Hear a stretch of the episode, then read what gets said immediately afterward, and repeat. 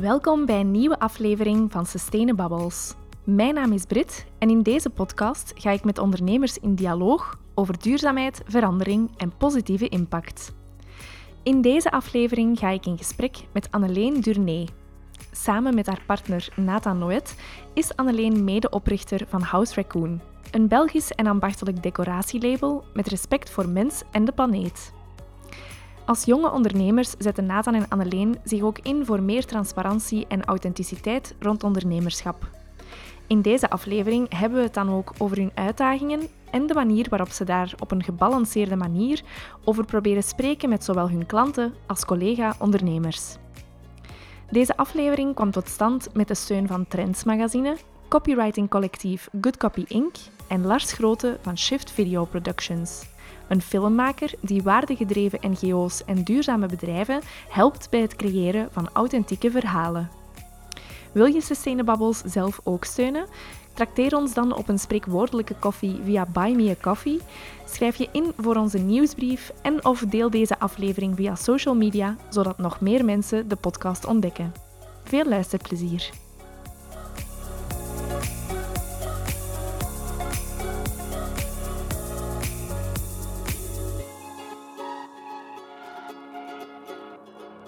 Welkom Anneleen. Dank je. Hey, superleuk dat je erbij bent hier vandaag. Ja, merci dat ik mocht komen. Het zal wel zijn, ja. We zijn hier vandaag in de, de Backyard Club van Mhm. Hannemans. Mhm. Ehm, een eh, Airbnb in het idyllische Herenthout, waar dat we onze opnames mogen doen.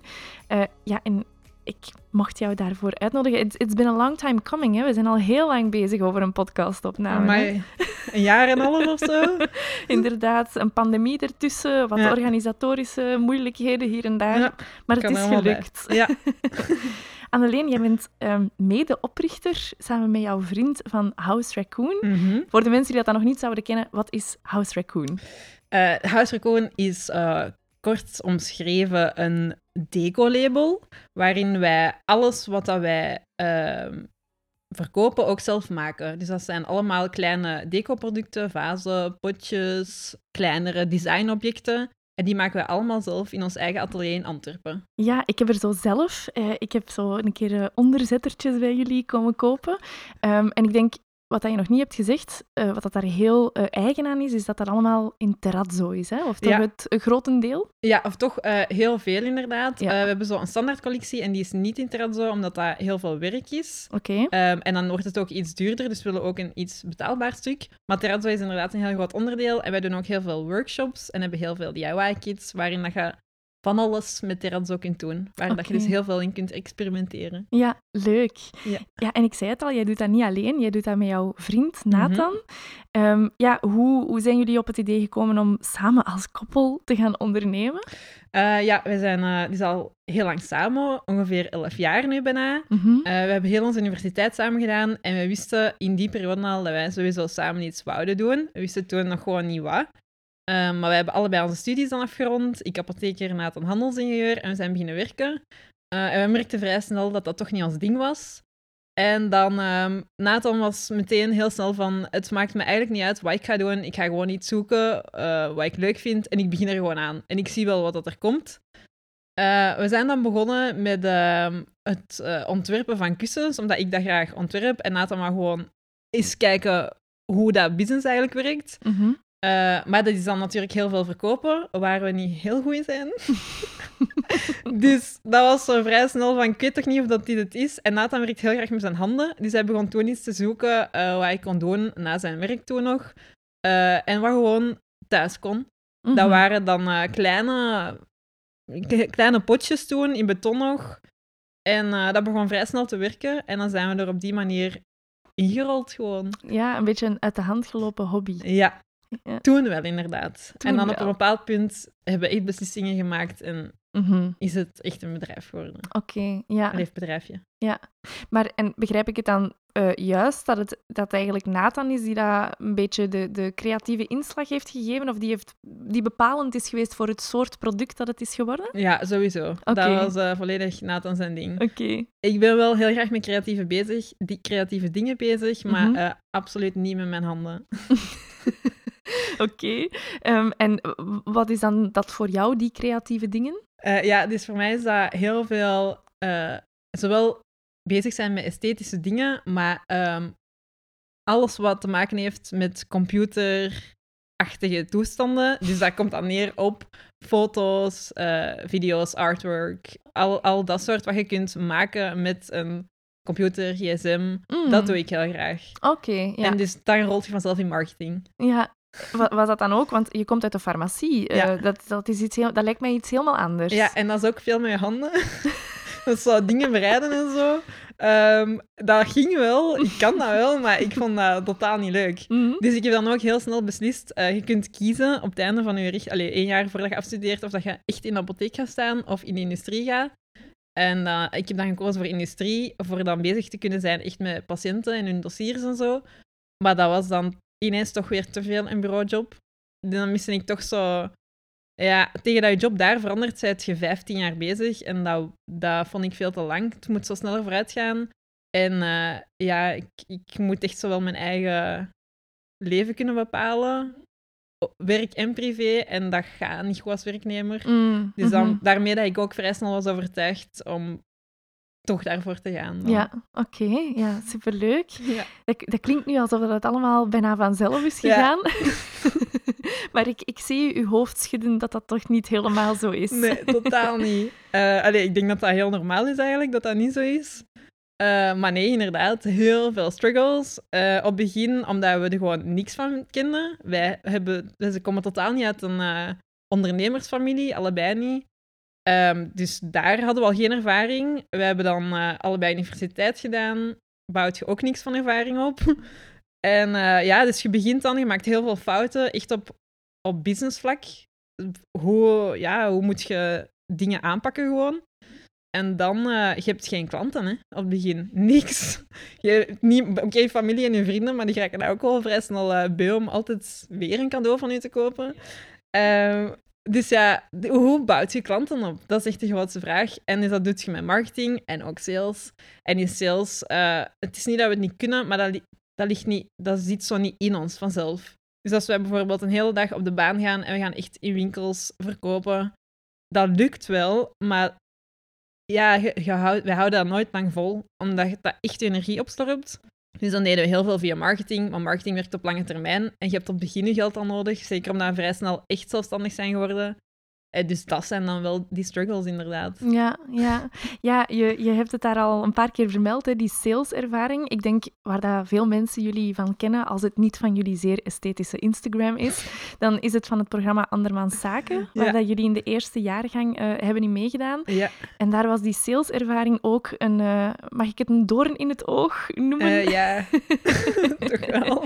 Ja, dat was een, een, een punt waar dat jullie... Allee, wat dat ook, als ik het goed heb begrepen, jullie vraag was eigenlijk naar, naar ondersteuning, hè? Ja, dus zij, zij zijn ook naar ons gekomen en vroegen of wij hulp nodig hadden. Mhm. En dan begonnen we inderdaad zelf te denken, waar hebben we eigenlijk hulp in nodig? Mhm. En inderdaad, dan vonden we zelf ook, dat is echt wel op salesvlak. Oké. En, eh, maar wij hadden dan verwacht dat ze echt gingen afkomen met, met ehm, echt zo heel praktische tips. Je hebt, echt, je hebt daar echt cursussen voor. Je hebt gewoon mensen die dat dagelijks doen, die daar heel goed in zijn. Wij dachten dat wij mee op pad gingen met zo'n mensen, die ons echt als een mentor mee op sleeptouw zouden nemen. Maar zoiets is nooit gebeurd. Ze zeiden gewoon tegen ons, ga gewoon op de baan. Maar dat deden wij al. Mm. Nu moesten we het gewoon vaker doen. Dus dat deden we en dat had effect, want we gingen vaker op de baan. Maar wij, daarna zijn we daar gewoon terug mee gestopt, want dat, wij houden dat niet vol. dus ja, ergens werkt dat, ja, je moet op de baan gaan en gewoon verkopen. Maar hoe doe je dat op zo'n manier dat dat vol te houden is voor mensen die dat, die dat niet eigen in hun, Mm. in hun hebben? Mm. een rare zin, maar... Nee, nee, ik, be- ik begrijp het, ik begrijp het. Ja. Zo dat. En, ehm, maar ja, oké, het programma was dan ge- gebeurd. Eh, het was op tv gekomen. Dan ineens is er een heel groot bereik van, eh, van mensen die je kunnen zien. En in- ja, ineens zijt je op een niveau beland waar heel veel mensen heel lang op moeten wachten. En ja, viel de sales voor een stuk terug weg. Dat is, dat is ook een heel groot... Ik wil daar ook gewoon eerlijk over zijn, want dat is het ook gewoon. En heel veel mensen denken nu van... Die dat hebben gezien van je moet gewoon op de baan gaan sales gaan doen en magically it will happen. Maar dat is niet zo. En ehm, dus ja, natuurlijk ondertussen is dat al twee jaar geleden. Dus sales wordt wel degelijk terug belangrijker en belangrijker. Maar je bent nu ook iets groter, je krijgt iets, iets meer zelfvertrouwen. Dan gaat het ook gewoon iets vlotter.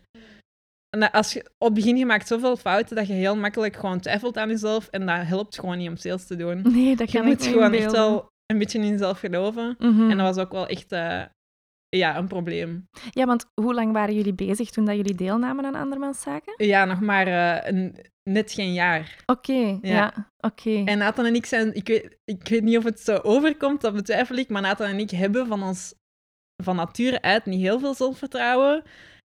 En, maar dat is, dat is het ding natuurlijk, naarmate je langer bezig bent, ja, je merkt gewoon dat vaker dingen lukken, komt het gewoon wel een beetje vanzelf. Maar bijvoorbeeld als we met iets totaal nieuws starten, beginnen wij terug van nul en daar moeten we echt op letten om echt met je mindset bezig te zijn, zodat dat, dat je daar niet laat doorvangen. Ja, ja, ja. En dus, maar ja, ondertussen zijn we drie jaar verder, dus dan Ja. heb je daar wel tijd voor om daar mee bezig te zijn. Ja, maar ik vind dat wel inderdaad heel interessant dat je dat zegt, want niet alleen komt het niet zo over, maar jullie hadden zelfs toen al echt een groot publiek en een groot platform opgebouwd. Dus Ja, je krijgt dan ook bijna minder het recht om onzeker te zijn of ja, zo. ja en, en het is echt, dat, dat blij, ik ga dat de moeilijkste balans ooit vinden. Ik ga dat altijd blijven vinden. Op je eigen kanaal, ik wil, daar, ik wil daar zoveel mogelijk eerlijk op zijn, maar je blijft een business. En het is gewoon een feit dat als, als, je, als, als je altijd zou zeggen, als je alle struggles altijd laat zien, vervalt ergens die magie een beetje. En ja, het is ook niet meer interessant. Je wilt een goede balans zien tussen, het gaat tussen inspirerend zijn en, en eerlijk zijn. Maar er zijn eigenlijk veel meer struggles, vind ik, dan, dan hoogtes. En die hoogtes zijn super hoog, waardoor dat je verder gaat. Maar in het dagdagelijkse leven zijn er eigenlijk meer struggles. Mm, mhm. Die je niet altijd kunt laten zien, omdat dan laat je elke dag van alles zien wat misgaat. Dat is ook niet meer leuk om naar te kijken. Maar dat wringt vaak bij mij, omdat dat- ik voel me dan niet volledig authentiek. En dat vind ik echt het, het moeilijkste nog altijd tot nu toe om te Mhm. doen. Maar hangt dat niet een beetje van je doelgroep af? Want eh, Ja. Instagram is een verkoopskanaal, zoals dat je het zegt. Dat, dat zijn jouw klanten die jou daarop volgen. Terwijl ik denk, de onzekerheden delen is eerder iets wat dat je binnen de community van ondernemers doet, Ja. wil doen. Of, of zie ik dat verkeerd? Of... Jawel, maar dat, dat vind ik dus moeilijk zo. Wat, wat, wat deelt je waar? Mm, En soms mhm. ook bijvoorbeeld, voelt je wel zo, maar je wilt je eigenlijk net beter voelen. Je- Mm. dan, heb ik, dan heb ik soms ook geen zin om dat te delen. Mm. Omdat ja, je, je wilt dat... Je zegt ook bijvoorbeeld niet elke keer van... eh, ik- hallo, ik ben slechtgezind. eh ik weet niet, dat ga toch niet elke keer zeggen. Terwijl, soms heb je daar ineens wel zin in. Maar ik zit daar constant om te hameren dat ik authentiek en oprecht wil zijn. En dan, en dan voelt dat soms niet zo. Omdat ik precies niet eerlijk ben geweest. Zeker met corona, hè, zo van die dingen. Of nu Oekraïne. Wij weten van heel veel mensen dat die ook met zo'n dingen struggelen. Net zoals wij. Je voelt, je voelt gewoon dat omzetten wegvallen. En ik hoor daar niemand over praten. Nergens. Tenzij het echt face-to-face. En dan vraag ik me af, moet ik dat nu wel zeggen of niet? Allee, dat, dat, ik vind dat dan heel moeilijk. Moet ik daar iets over zeggen of niet? Gaan mensen... Ik heb heel makkelijk ook het gevoel dat mensen medelijden krijgen. Ze zijn van, allee, nee, komt wel goed, komt wel goed, maar dat bedoel ik niet. Ik wou gewoon even laten zien van, kijk, iedereen heeft het soms iets moeilijk. Ik wil daar geen medelijden mee of zo. Mm. Ja, ik, vind dat, ik, vind dat, ik vind dat echt niet simpel. Ja, dat is iets waar jullie wel eh, de laatste jaren, als ik dat mag zeggen, eh, toch ook in navolging, denk ik, een beetje van jullie deelname aan andermans Ja. zaken, meer op inzetten om dat te gaan communiceren. Hè? Ja, ja. En, daar, en zeker ook met andermans zaken, dat blijf ik daar ook een moeilijke mee vinden. Je, je bent ze- in beeld gekomen als, als degene die niet wist hoe het moest, als degene die hulp nodig had. Mhm. Dus elke keer als wij dat nu terug zeggen, ben ik bang dat mensen gaan denken: oei, oei, ze zijn er weer, ze, ze, zitten, weer in, ze zitten weer in de shit. Dat, van, nu kunnen ze het nog altijd niet. Terwijl, zo, dat gevoel, want wij hebben, dat is het, wij hebben een heel, wij hebben een, een pakt 1 tiende of zo van de mensen die, die ons volgen, zijn echt zo een harde kern. Van vroeger ook al, die ons kenden voor dat programma. En die hebben alles gevolgd en die weten dat dat gewoon normaal is. Dat is gewoon een ondernemersjourney. Zo gaat het bij iedereen. En dan heb je een hele grote groep, gewoon mensen van tv, die hebben je zo leren kennen en die denken van, ah, ah ja, juist, ze konden het toen niet en nu kunnen ze het magisch gezien wel. En dan is het zo moeilijk omdat... eh, Ja, eh, ik vind dat niet leuk, omdat dat is weer niet eh, echt. Het, het is gewoon, het is nooit zwart-wit. Ja, op dit moment zijn wij succesvol in de zin van wij kunnen ervan leven en wij hebben geen schulden en alles gaat goed in die zin. Maar aan de andere kant zijn er elke dag ook heel veel problemen. En als die niet opgelost worden, kun je op de lange termijn failliet gaan. dat is het punt. Elke dag opnieuw moet je aan je zaak werken, want elke dag opnieuw zijn er nieuwe problemen. En die moet je oplossen. En dus het gaat ook niet elke dag goed in die zin. In het algemeen werkt je bedrijf, maar daar moet altijd aan gewerkt worden. Dat er bestaat niet zoiets als een bedrijf dat klaar is. Dat kan gewoon niet. En dat laten ze wel zo blijken uit dat programma, vind ik. En dat is gewoon geen juist, geen juist signaal. Er zijn ook heel veel mensen trouwens, heel veel leerkrachten die sturen dat ze, dat, dat ze die programma's gebruiken in hun lessen. Wat ik ergens ja, goed vind in de zin van ze proberen hun leerlingen te stimuleren met, met interessant materiaal en zo. Dat kan ik enkel toejuichen. Maar het is volgens mij niet het juiste materiaal. Er zijn heel veel dingen daarin die gewoon niet juist zijn, niet kloppen. En die dingen zitten ze te leren aan hun leerlingen. En wat bedoel je Zoals- dan? Ja. Zo, de- alsof het zo simpel is. Dan leggen ze bijvoorbeeld uit. Allee, eh, of daar, daar halen ze dan dingen uit, zoals van. Ja, als je sales wil doen, moet je op de baan gaan. Als je, als je, eh, je moet je cijfers kennen, anders lukt het niet. Ja, logisch, maar zo simpel is het allemaal niet. Het gaat niet, het gaat niet puur over die dingen. Het gaat erover dat je ervaring opbouwt. Het gaat er ook zelfs over dat je fouten maakt. Wij, ik blijf, die, blijf een van de beste quotes vinden die er zijn. Failing forward. Je kunt gewoon niet vooruit gaan zonder fouten te maken. En je mocht daar niet bang van zijn. Je moet elke keer opnieuw proberen, proberen, proberen. En fouten maken, fouten maken, fouten maken. Je leert uit niks zoveel als uit je eigen fouten. En dat wat niet wil zeggen dat je je niet goed moet voorbereiden. Hè? Maar ook in de voorbereiding gaat je fouten maken. J- jullie betrachtingen om dan meer te spreken over jullie onzekerheden als, als ondernemers, is dat dan ook een beetje een manier om, om ja, daar een nieuw discours in, in te brengen of zo? Of een, een Eh, nieuwe manier van spreken over ondernemen? Ja, ergens doet dat sowieso wel goed natuurlijk, dat je dingen kunt delen. En aan de andere kant, eh, je ziet gewoon... Ik zie zoveel mensen in mijn, in mijn omgeving ook, die dingen... Je, je ziet dat die een bepaald iets willen proberen eigenlijk, maar niet durven. Bang om te falen. Je, je hoort zoveel commentaar overal van...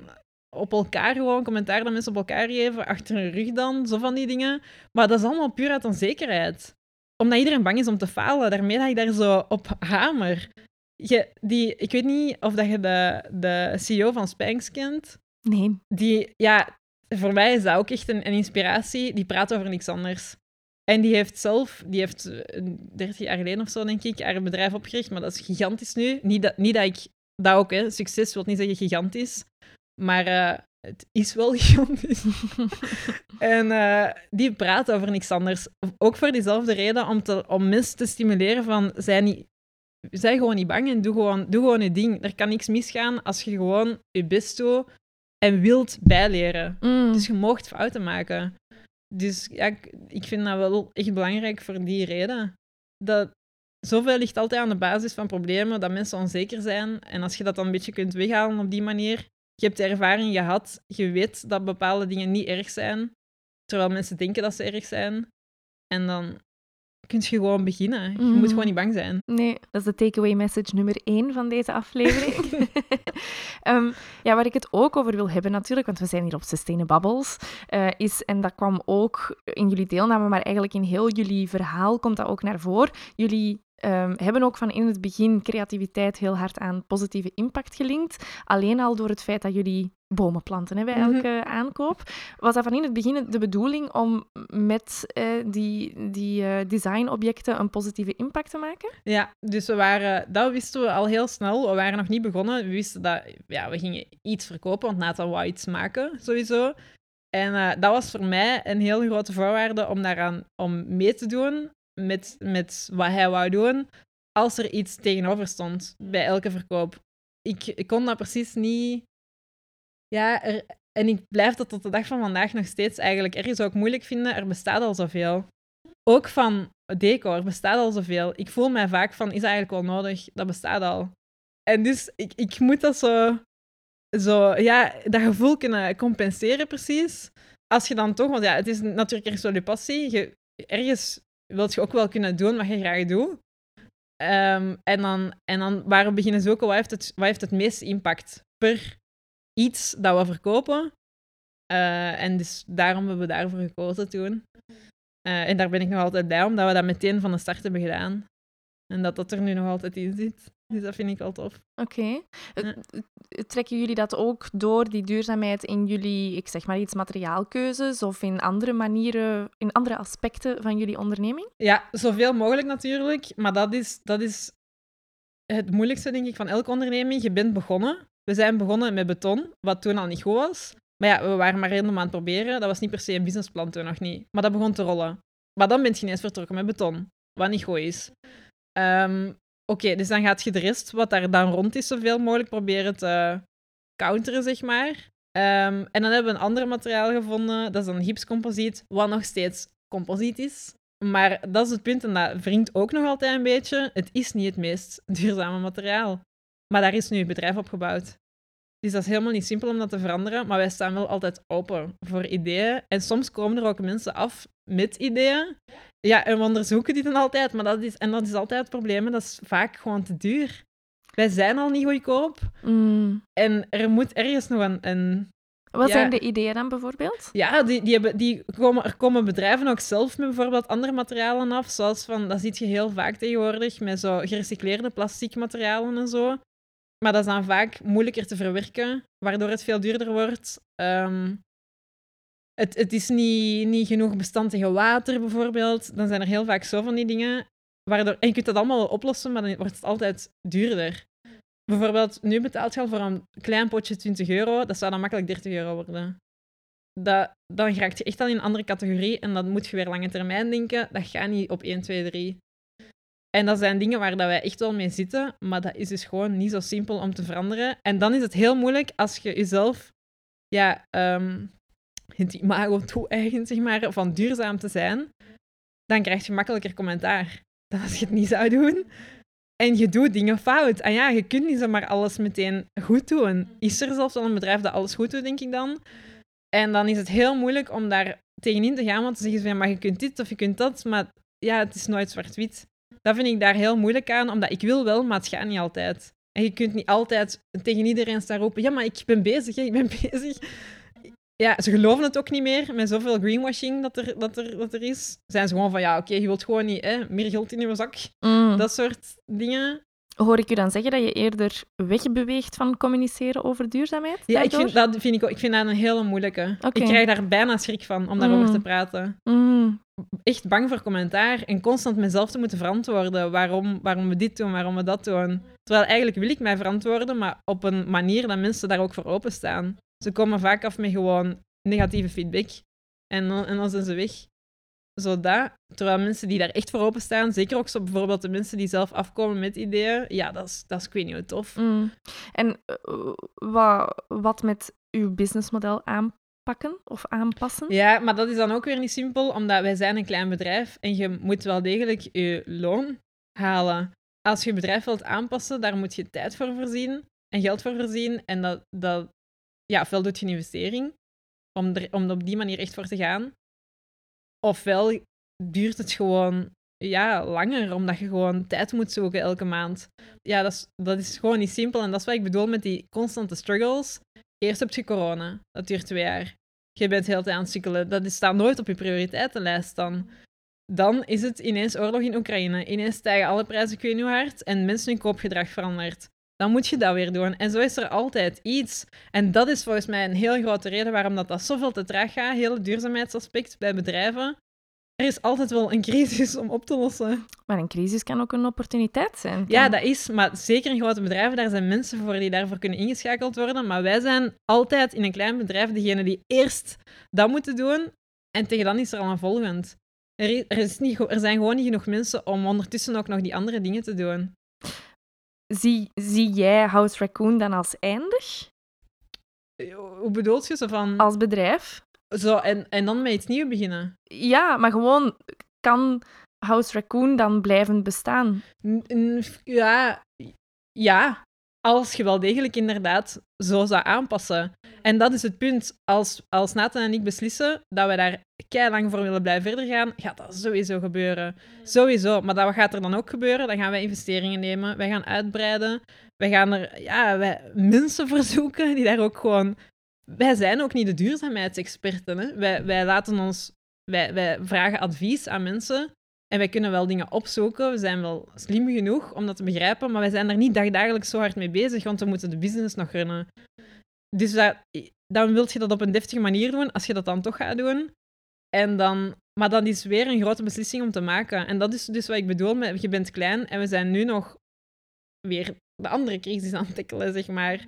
En dan is er ook nog het, uh, ja, het, het ding inderdaad van wij willen dat op dit moment sowieso verder doen. Maar dat is, dat is zo het moeilijke aan, aan, ja, aan, aan een business. Gaat je, dat heel, gaat je dat hele leven verder doen? Dat weet ik ook niet. En er zijn dan ook nog die dingen die Nathan en ik extra willen doen. Dus dat komt daar allemaal... Er zitten heel veel persoonlijke aspecten natuurlijk aan. En dat houdt ons tegen om zo'n investering te doen. Wat niet wil zeggen dat, dat dat inderdaad niet mogelijk is. Hè. Een ander bedrijf kan dat perfect wel. Wat ik ook denk, andere mensen zouden het ook waarschijnlijk niet willen toegeven. Want nu zeg ik eigenlijk dat ik persoonlijke dingen even boven duurzaamheid zet. dat is, dat is, eh, dat is een keuze zoals een andere. Inderdaad, maar dus dat, is, ik weet, dat zijn ook zo van die dingen die ik, dat, waarvan ik het gevoel heb dat mensen het ook niet durven toegeven, terwijl heel veel mensen dat wel doen. Ja, het is interessant eigenlijk, want in deze reeks is het denk ik al in elke aflevering gezegd. Initieel was, mijn, was wat ik doe, wat dat dan een, een allee, een positieve impact blijkt te hebben of, of toch met duurzaamheid te maken heeft. Initieel was wat dat ik doe gewoon iets voor mezelf. Mhm. En niet om een grotere impact te maken. Mhm. Dus ehm, ik vind het wel interessant dat je zegt van, dat wordt vaak niet gezegd, dat eigenlijk eh, heel wat keuzes eigenlijk persoonlijk zijn. Eh, Ja. en, en niet zozeer ehm, met de blik op welke impact Ja. maakt dat dan. Ja, terwijl als je... Want we hebben even getwijfeld, want we zijn drie maanden geleden op workation geweest toen ook. En toen hebben we heel hard getwijfeld om een investering binnen te halen van 200.000 euro. Wauw. En daar was het echt de bedoeling dat dat allemaal zou veranderen. Het, niet per se dan meteen heel het materiaal, maar het zou, het zou wel ter sprake komen. Het zou dan, eh, we zouden dan in Antwerpen bijvoorbeeld een, een heel makersding gedaan hebben. En dan zou daar allemaal veel meer tijd voor gekomen zijn en ook gewoon mensen die daarmee bezig zijn. En dan waren Nathan en ik effectief van moeten eerst even denken of we dit, of we dit op die manier echt minstens vijf à tien jaar verder willen doen. Of we gewoon even kleinschalig gewoon verder doen en kijken waar ons dat brengt. En of we eventueel ook nog andere aspecten die wij heel graag doen, kunnen betrekken. En dus daarmee dat dat even, ja, laat je dat dan even rusten en doet je in wat dat je dan aan het doen bent, wel zo goed mogelijk verder. Mhm. Mhm. Maar dus is er op dat moment wel geen ruimte om alles om te gooien. Of je businessplan zo hard aan te passen. Maar ja, en, en dat, is, dat is het lastige daarvan. Dat zit altijd wel in je hoofd. En dan hangt er zo boven, maar ja, je- hangt er van alles boven. En dan ja, je moet er eens dan keuzes maken. Mhm. Maar dat is ook wel het interessante met ondernemer natuurlijk. Je kunt dat altijd toch doen, ineens. Als je voelt van, ik, ja, nu is het moment. Ik vind dat heel belangrijk, ook bij ondernemerschap, zeker. Dat je, dat je je er goed voor voelt, want het is gewoon niet simpel en je moet er echt voor willen gaan. En ja, anders wil ik het niet doen. Mhm, mhm. Dat, ja, dat lange termijn engagement waar dat je het over hebt, dat triggert mij wel, vind ik. Ehm, heeft het feit dat jullie creatieve ondernemers zijn daar iets mee te maken, denk je? Mm, ja, en ik denk ook heel hard het feit dat wij ergens zijn ingerold. En, ehm, en dat, dat bleek dan goed te zijn op dat moment. Maar we hadden nog nooit ondernomen. En we, wij, door, door huiswerk gewoon te doen, zijn we met heel veel dingen in contact gekomen waar wij vroeger nog nooit mee in contact waren gekomen en die wij ook leuk vinden. En dat, dat heb je gewoon. Heel veel mensen, allee, toch die wij kennen, eh, beginnen rond hun 30, doen eerst heel veel ervaring op in bedrijven en beginnen dan. Dus hebben daar al, zijn daar al wat te weten gekomen wat ze graag doen. Maar wij zijn vrij snel beginnen ondernemen als we 24 waren, denk ik. Oké. En dan, je weet eigenlijk nog, ja, je hebt universiteit gedaan, maar je zit heel achter je boeken. Het is ook niet dat je dan ineens weet wat dat je graag doet. Mhm. En dus nu zijn we dat heel veel tegengekomen en wij merken dat wij, dat wij ook heel veel andere dingen nog interessant vinden. Nathan heel dat financiële aspect en ik heel veel ja, interieurgewijs en vastgoedgewijs dan meer. Maar, eh, dus dat vinden wij ook. Maar aan de andere kant vinden we Huiswerk gewoon wel degelijk nog superleuk en wil, willen we dat ook helemaal niet laten vallen. En willen we dat verder, wel verder uitbouwen, maar dus op een kleinschaligere manier. En niet mega, mega uitbreiden. Waar we dus wel even over hebben nagedacht, maar dat vind ik goed dat we daar zwart over hebben nagedacht, omdat je dan echt achter je keuze kunt staan. Mhm, Oké. En het is ja, niet meer, ik wil niet meer ergens op die manier inrollen. Ik wil dat echt beslissen. Ja, maar ik hoor eigenlijk nu ook van... Het is eigenlijk meer een interesse dan dat jullie de intrinsieke drijfveer hebben om een positieve impact te maken op jullie omgeving. Hè? Ja, ja, echt zo dubbel. Bij, ik heb dat heel hard bij Koon, omdat er gewoon te veel producten al zijn. Dat, dat, dat klopt gewoon niet. Je moet elke keer als, er iets, als je iets consumeert, moet er gewoon iets gebeuren. Daar heb ik dat heel hard bij, maar dan zo bij meer ehm, service-achtige dingen vind ik dat nog altijd belangrijk, maar meer precies ehm, in gesprek. Mhm. Met, ja. Ja, maar wat ik ook bedoel is... Ik denk dat je twee categorieën ondernemers hebt. Je hebt ondernemers die ondernemen om iets positiefs te doen voor de wereld. Ja. En je hebt ondernemers die gewoon toevallig duurzaamheid interessant vinden. ja, dan is het wel meer dat, omdat we, zijn, we beginnen inderdaad met het wat doen we graag. En dan eh, koppelt je dat eraan. Omdat, omdat ja, in, wel meer in die zin dan inderdaad. Niet, het, wij zijn nooit begonnen met, eh, oké, we willen, wij willen meer bomen, dus we gaan ervoor zorgen dat we dat op die manier kunnen doen. Nee, dat klopt inderdaad. Maar ik vind het wel altijd belangrijk dat het er wel aan gekoppeld is. Al is het maar alleen al omdat je daar tenminste mee de boodschap geeft dat het belangrijk is. Mm, mhm. Zo, dat alleen al. En dus in die zin is er dan wel impact. Maar, maar inderdaad, ik zou niet random een bedrijf opstarten puur voor die impact. Maar ik vind het wel altijd belangrijk dat het erbij komt. Zeker, en dat vind ik ook een, een, een moeilijke altijd bij greenwashing. Als bijvoorbeeld Coca-Cola voor elk, ding een boom, voor elk flesje een boom zou planten. Maar uiteindelijk doen ze het enkel voor dat flesje en doen ze er helemaal niet veel. Dat is een soort van greenwashing. Maar aan de andere kant, het feit dat ze bezig zijn met bomen, plant wel een zaadje in mensen hun hoofd dat dat belangrijk is. Snap je? En dat vind ik altijd een super moeilijke. Ja, het is inderdaad, dat komt ook in een eerdere aflevering buiten deze reeks al aan bod. Zijn ondernemers verantwoordelijk voor systeemverandering? Ja of Ja. nee? Zijn ondernemingen, moeten zij die rol vervullen? Ja of nee? Ja, ik heb, altijd, ik heb altijd zo het gevoel gehad van, heeft niet iedereen dat? Als individu heb je een beetje die verantwoordelijkheid. Als bedrijf, als overheid, is het niet gewoon van iedereen een beetje? Ja, daar kunnen we volgens mij een hele aparte aflevering rond maken. Maar misschien om in het thema van Creativity for Good te blijven, welke rol of verantwoordelijkheid kunnen creatieven dan opnemen in dat verhaal? Ehm, ja, of dat er nu echt specifiek een rol is weggelegd, weet ik niet. Maar eh, ik denk gewoon dat als, als de creatievelingen dan al gewoon